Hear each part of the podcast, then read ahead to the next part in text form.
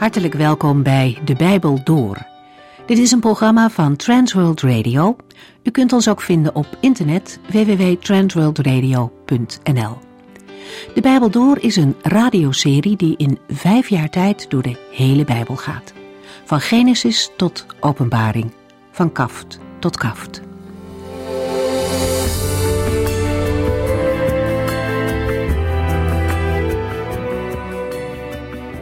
De vorige keer kwamen hoofdstuk 50 en hoofdstuk 51 uit het boek Jezaja aan bod. We lazen daarin de derde profetie over de knecht des Heren. We zien in deze profetieën de Heer Jezus terug. Daarnaast mogen we er ook zelf uit leren. De Heer is immers een voorbeeld voor zijn discipelen. In vers 4 zien we dat hij woorden spreekt die vermoeide en terneergeslagen mensen weer opburen. Woorden die goed doen, die mensen opbouwen. Of, zoals van de Heer Jezus werd gezegd, zijn woorden brachten mensen genade. Wat is het mooi als je zulke woorden kunt spreken waar andere mensen echt wat aan hebben. Maar hoe doe je dat? Hier zien we dat het begint met luisteren. Luisteren naar God. Elke morgen maakt Hij mij wakker om als een leerling te kunnen luisteren, zegt de dienstknecht. Door te luisteren naar de woorden van God leren we zo te spreken dat andere mensen daar wat aan hebben. Het is net als met gewone taal. Een kleinkind leert praten omdat hij andere mensen hoort spreken. Voor dove kinderen is het heel moeilijk om goed te leren praten. Wie luistert naar de woorden van God, leert ook spreken zoals bij God past. Als iemand niet luistert, kan hij ook wel praten. De wereld is vol met gepraat en geluid. Maar wie echt wat te zeggen wil hebben, moet eerst luisteren. Luisteren naar God. Het vers begint ermee dat de Heere hem wakker roept. God heeft ons wat te zeggen en hij roept ons. En aan ons is de keuze of we wel of niet willen luisteren. De dienstknecht van de Heere luisterde. Hij was niet opstandig en keerde God niet terug toe. Hij volbracht zijn taak, al was die onvoorstelbaar zwaar. Hij heeft tot het uiterste geleden, maar kon het verdragen, omdat hij wist dat de Heere met hem was. Dwars door alles heen bleef hij vertrouwend opkijken naar zijn God. Bleef hij luisteren en spreken met zijn God. Die stille momenten, daarin lag zijn kracht om elke dag verder te kunnen. En omdat hij luisterde, had hij woorden om uit te delen.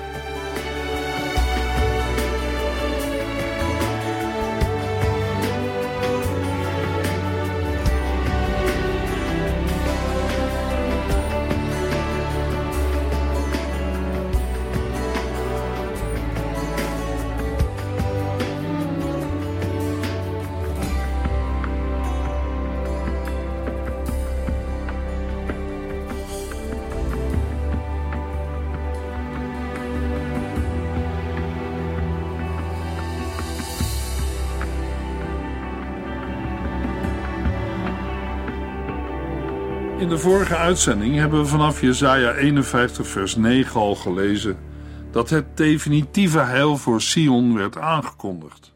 De aankondiging gaat in Jesaja 52 gewoon door. Er zijn in Jesaja 52 drie delen te onderscheiden.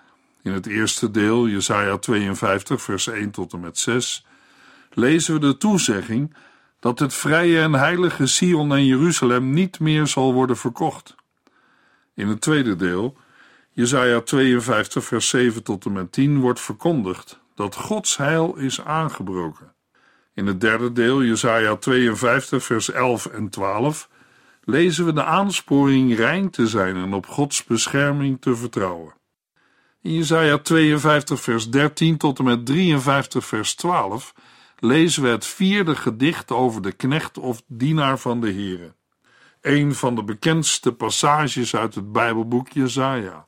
Hoewel de context van de toekomstige bevrijding uit de Babylonische ballingschap in deze pericoop een rol speelt, ligt het belangrijkste accent op de uiteindelijke vervulling van Gods beloften. De profetie moet nog in de toekomst volledig tot vervulling komen, in de tijd van de Messias. De verstrooiing na de verwoesting van de tempel in het jaar 70 is daarin meegenomen. Het sterkste argument daarvoor lezen we in Jesaja 52 vers 1.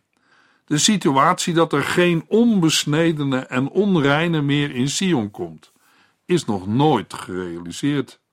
Jesaja 52 vers 1. Word wakker, word wakker Jeruzalem en bekleed u met de kracht van God.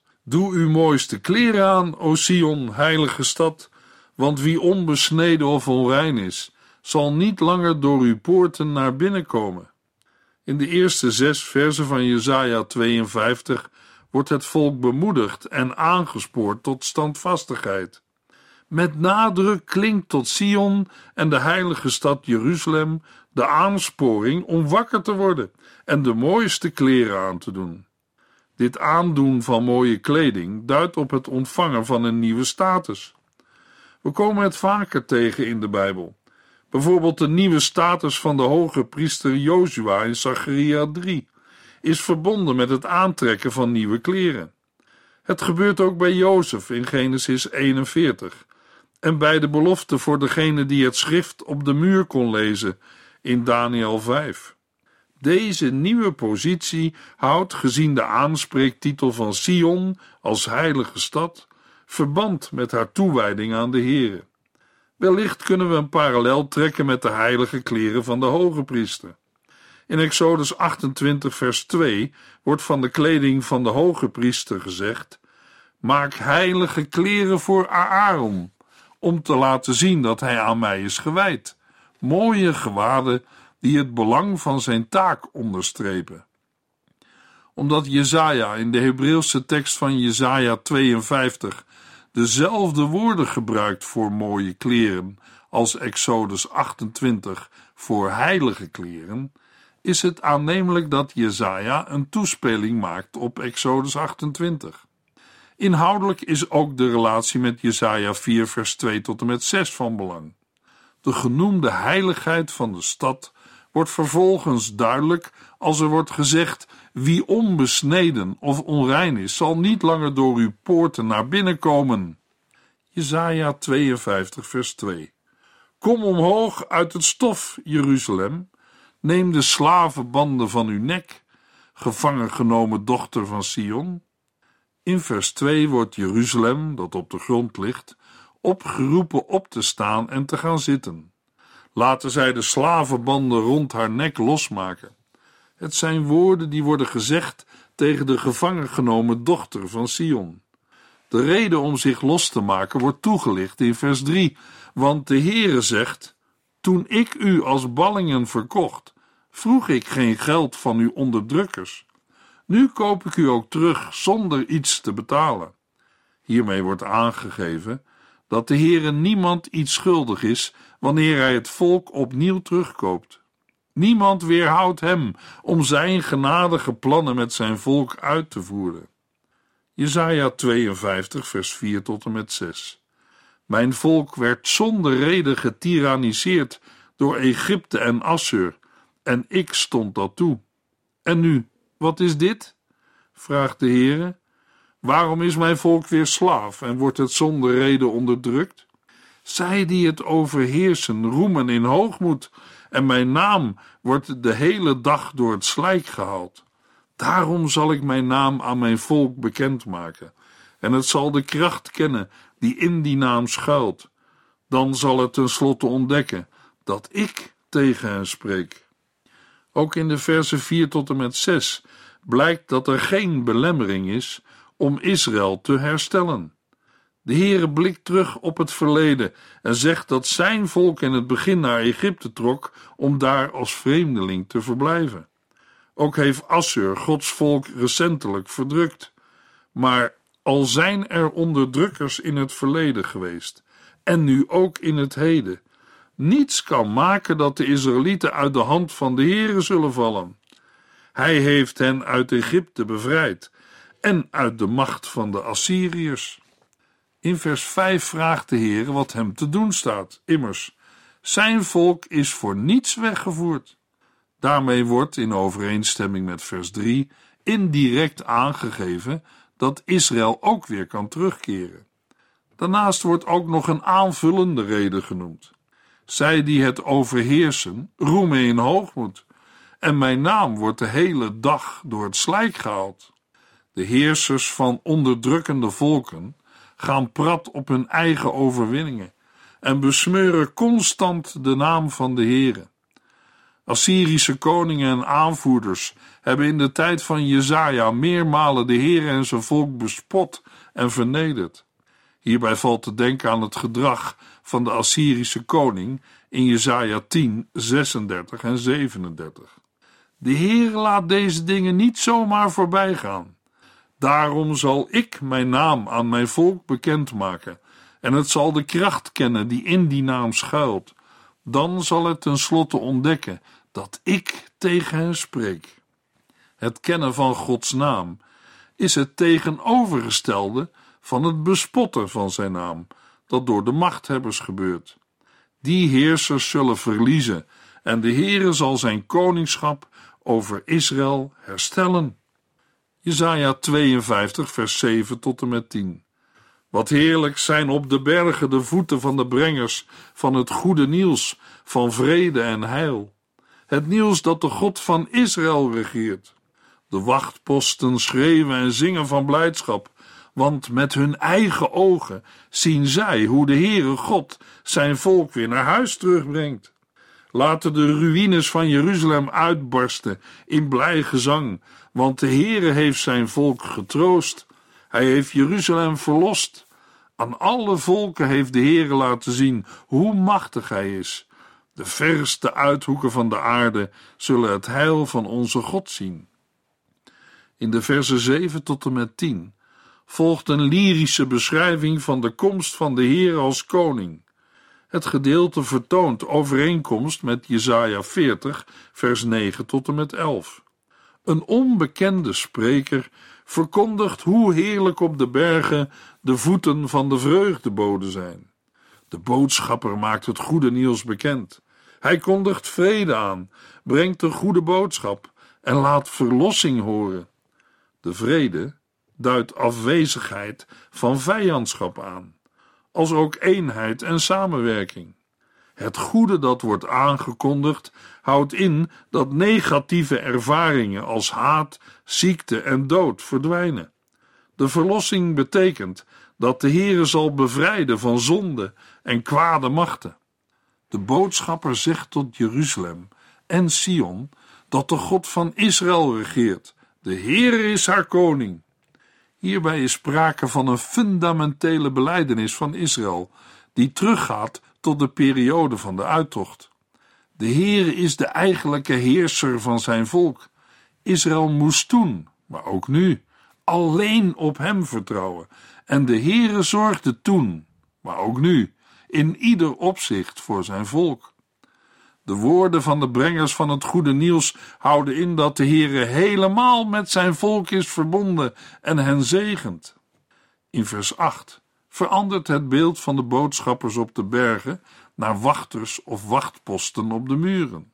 Zij verheffen hun stem en juichen van blijdschap. De reden voor hun blijdschap is dat ze met eigen ogen zien dat de Heere terugkeert naar Jeruzalem. Het zien van Gods heerlijkheid doet denken aan Jesaja 40 vers 5, waar is gesteld dat de heerlijkheid van de Heere zich zal openbaren over al wat leeft. Terwijl in Jesaja 40 sprake is van een woestijn, staat de bekendmaking in vers 8 in verband met Gods gang naar Sion. Mogelijk is er een toespeling op de tempelinwijding, toen de majesteit van de Heere de tempel vervulde. Wanneer de Heere al het beloofde realiseert, zal zijn majesteit neerdalen op Jeruzalem en de nieuwe tempel. Na de wachtposten op de muren worden ook de ruïnes of puinhopen van Jeruzalem aangespoord uit te barsten in blijgezang. De ruïnes van Jeruzalem zijn een beeld van haar inwoners, die in vorige hoofdstukken van Jesaja steeds klaagden over de hopeloosheid van de situatie. Tot hen wordt gezegd dat er grond voor blijdschap is, omdat de Heere zijn volk troost en hen weer naar huis terugbrengt. De Heere verlost Jeruzalem en koopt haar vrij. Jesaja 52, vers 10 tot en met 12. Aan alle volken heeft de Heere laten zien hoe machtig hij is. De verste uithoeken van de aarde zullen het heil van onze God zien. Ga uit, ga daar weg, raak het onreine niet aan. Laat Babel en alles wat het belichaamt ver achter u. Het is onrein voor u. U bent het heilige volk van de Heere. Reinig uzelf. Allen die vaten van de Heere naar zijn huis dragen. U zult niet haastig vertrekken, rennend voor uw leven, want de Heere zal voor u uitgaan. En hij, de God van Israël, zal u van achteren beschermen. De Heere ontbloot zijn heilige arm voor de ogen van alle volken. Zij zullen zien hoe machtig hij is. Hiermee wordt de vraag uit Jesaja 51 vers 9: Toon op dit moment uw kracht, o Heere, verhoord. Alle einden van de aarde zullen de verlossing door Israëls God zien. De versen 11 en 12 bevatten een oproep aan het volk om Babel te verlaten en op te trekken naar Jeruzalem of Sion. De oproep in vers 11 begint met een dubbele aansporing om te vertrekken. Als de Israëlieten uit Babel vertrekken, mogen ze geen onreine zaken aanraken en moeten zij ook zichzelf reinigen. Vaak is aangenomen dat we in vers 11 en 12 uitsluitend te maken hebben met een uittocht uit Babel, maar daarvoor hoefde niemand cultisch rein te zijn. Gezien de context doelen deze versen op een terugkeer in de toekomst, vanuit alle plaatsen in de wereld waarnaar Israëlieten zijn verbannen. Dan hoeven de mensen die terugkeren niet overhaast te vertrekken, alsof ze op de vlucht zijn. De reden voor deze rustige gang is het feit dat de Heere voor hen uit zal trekken en ook hun achterhoede is. De toekomstige terugkeer van de Israëlieten naar Jeruzalem of Sion komt overeen met de reis door de woestijn, waarin de Heere door middel van een wolk en een zuil van vuur voor het volk uitging en hen beschermde. Deze vroegere verlossing zal in de toekomst op een nog grotere manier worden herhaald. De lange eenheid over de verlossing in Jesaja 51 vers 9 tot en met 52 vers 12 vormt een verhoring van het gebed in Jesaja 51 vers 9 tot en met 11. In dit gebed valt op dat een beroep wordt gedaan op de grote daden van God in het verleden. Ook wordt de Heere herinnerd aan zijn beloften. De Heere onderkent in zijn antwoord de moeilijke positie van zijn onderdrukte volk. Hij heeft aangegeven dat de problemen zijn ontstaan door de zonde van het volk. De Heere roept hen op door alles heen op hem te vertrouwen. Hij zal een keer in het lot van zijn volk brengen. De toekomstige heerschappij van de Heere is nauw verbonden met het herstel van Jeruzalem. In het komende vrederijk wordt het koningschap van de Heere en zijn heerschappij over zijn volk en de hele wereld ten volle openbaar. In Exodus 15 vers 18 heeft Mozes het al voorzegd. De Heere zal voor altijd en eeuwig regeren. In onze dagen is Gods koningschap voor Israël en de volken nog grotendeels verborgen. Maar wie vandaag op de Heere vertrouwt en zich aan hem toevertrouwt en zijn woord en belofte gelooft, zal ook nu al Gods troost mogen ervaren. Dat is ook de inhoud van de goede boodschap, het evangelie, dat in het Nieuwe Testament gerealiseerd is door Jezus Christus, de Verlosser, en ook vandaag nog steeds verkondigd mag worden als de blijde boodschap. Met Jesaja 52 vers 13 tot en met 53 vers 12 komen we in het vierde gedicht over de knecht van de Heere. Een van de bekendste hoofdstukken uit het Bijbelboek Jesaja. Het gedicht sluit aan bij twee voorafgaande thema's. Het eerste is dat van het lijden van Gods dienaren. Tegelijk is er een aankondiging van de toekomstige bevrijding, als opdracht voor de knecht van de Heere en als een belofte voor het volk. Beide thema's komen in Jesaja 52 vers 13 tot en met 53 vers 12 terug. Het nieuwe element dat nu verschijnt is het plaatsvervangende lijden door de knecht van de Heere. De kern van het gedeelte is de beschrijving van de reden voor het lijden van de knecht of dienaar van de Heere. Jesaja 52 vers 13 Kijk, mijn dienaar krijgt voorspoed, hij zal hoog worden verheven. De Heere stelt zijn knecht of dienaar voor als iemand die verstandig handelt en verhoogd zal worden. Al eerder is het vastberaden en bewogen karakter van de dienaar beschreven. Daarmee wordt aangegeven dat hij de hoogst denkbare plaats van eer zal ontvangen. Later zal dit zelfs een opstanding uit de dood blijken te zijn.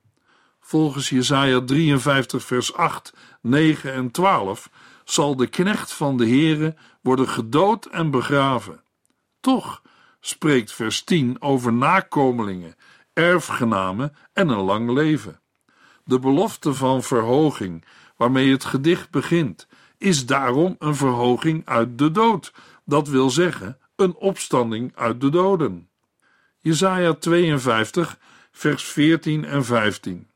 Zoals voorheen velen zich over hem ontzetten, zelfs vorsten om hem huiverden, omdat zijn uiterlijk misvormd en niet meer menselijk was, zo staan nu vele volken verbaasd en sluiten koningen hun mond, omdat zij zien wat hun nog nooit was verteld, en omdat zij aanschouwen wat nog nooit was gehoord. De versen 14 en 15 geven aan dat de weg naar verheerlijking door het lijden heen gaat. Met indringende woorden geeft de Heere aan door welke gruwelijke vernedering zijn knecht en dienaar heen zal moeten gaan. Het tweede deel van de vergelijking geeft aan dat de knecht van de Heere veel volken verbaasd zal doen staan. In de Hebreeuwse tekst staat voor verbaasd een woord dat met besprenkelen, verschrikken en opspringen kan worden vertaald. De link met verbaasd staan is in alle drie de vertalingen wel aanwezig, maar persoonlijk zou ik voor besprenkelen kiezen. Daarbij kunnen we denken aan een reinigingsritueel dat aan Leviticus is ontleend. Door deze besprenkeling of heilzame handeling zullen koningen sprakeloos staan. Na de beschrijving van de vernedering van de knecht is dit een moment van verheerlijking. Dan zien de koningen wat hun niet is verteld en begrijpen ze wat zij niet hebben gehoord. Jesaja 53 vers 1 Maar ach, wie gelooft wat wij vertellen? Wie zal luisteren? Aan wie heeft God zijn macht geopenbaard? Jesaja 53 opent met een raadselachtige vraag. De profeet lijkt een klacht te registreren omdat zijn boodschap niet wordt geloofd. Wat hem is geopenbaard, wordt niet door zijn volksgenoten ontvangen en geloofd. In Jesaja 6 had de Heere dat ook al tegen Jesaja gezegd.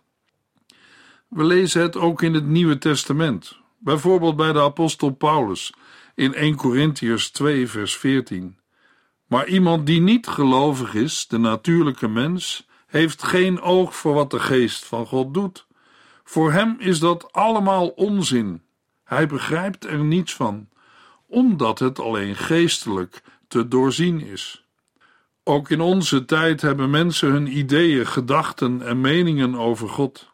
Maar hebben zij oog voor wat de geest van God doet?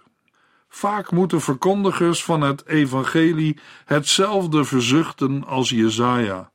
Maar ach, wie gelooft wat wij vertellen? Jesaja 53 beschrijft het plaatsvervangende lijden van de knecht of dienaar van de Heere. Hij is een persoon en gelijk te stellen aan de verlosser die komen zal. Ook komt een groep aan het woord over de knecht. De meest aannemelijke verklaring is dat dit de gelovige rest van Israël is. Deze gelovige rest spreekt uit naam van het hele volk. Bij de uitleg van Jesaja 53 is het antwoord op de volgende vraag belangrijk. Is de knecht of dienaar van de Heere de Messias? In de afgelopen halve eeuw is in wetenschappelijke kring veel gediscussieerd over de identiteit van de knecht van de Heere. Bij het vinden van een antwoord hebben vier verschillende verklaringen een belangrijke rol gespeeld, namelijk de historisch individuele, de mythologische, de messiaanse en de collectieve verklaring. De eerste twee verklaringen zijn door beslissende bezwaren weerlegd. De eerste doordat de gegevens zo vaag zijn dat allerlei suggesties gedaan zijn omtrent de identiteit van de knecht. De tweede verklaring heeft tegenwoordig weinig of geen aanhangers meer. De vierde uitleg stuit op het bezwaar dat Israël dan geacht moet worden zichzelf te verzoenen. Daarom blijft de derde, de messiaanse uitleg over. Omdat het Bijbelboek Jesaja door verschillende Bijbeluitleggers niet als een eenheid wordt gezien, wordt door hem bezwaar gemaakt tegen de uitdrukking messiaans. Door de onderscheiding van het Bijbelboek Jesaja in verschillende delen ontbreekt in Jesaja 53 de identificatie met de Messias uit het geslacht van David. Identificatie met Jesaja 9 en Jesaja 11 is volgens deze uitleggers dan niet mogelijk. Daartegen valt in te brengen dat diverse koninklijke functies in de knechtgedichten worden aangeduid. In Jesaja 42 komt naar voren dat de knecht niet enkel het recht aan de volken bekend maakt, maar het recht ook zelf op aarde vestigt. Hij voert daarmee een koninklijke taak uit, die ook in diverse koningspsalmen naar voren komt, en wordt gebruikt om Davids regering te typeren. Een ander aspect is dat de knecht of dienaar van de Heere als een tweede Mozes is, die het volk uit onderdrukking bevrijdt. De knecht wordt naar vernedering verhoogd, en om hem zullen vele koningen verstommen en zich voor hem neerbuigen. In Jesaja 55 vers 3 wordt gesproken over het geven van alle gunsten en liefde die ik, de Heere, ook aan koning David gaf. Gods verbondstrouw aan het huis van David heeft gevolgen voor het hele volk. De knecht maakt de rol van een koning uit het geslacht van David waar. Hij brengt gerechtigheid, brengt Israël terug tot God, brengt heil tot aan de einde van de aarde en draagt de zonde van velen. Hij zal een verbond voor het volk zijn. Het verbond met David in Jesaja 55 vers 3 wordt in de knecht of dienaar van de Here gerealiseerd. Daarom is het mogelijk de knecht gelijk te stellen met de Messias. In de volgende uitzending lezen we verder in Jesaja 53.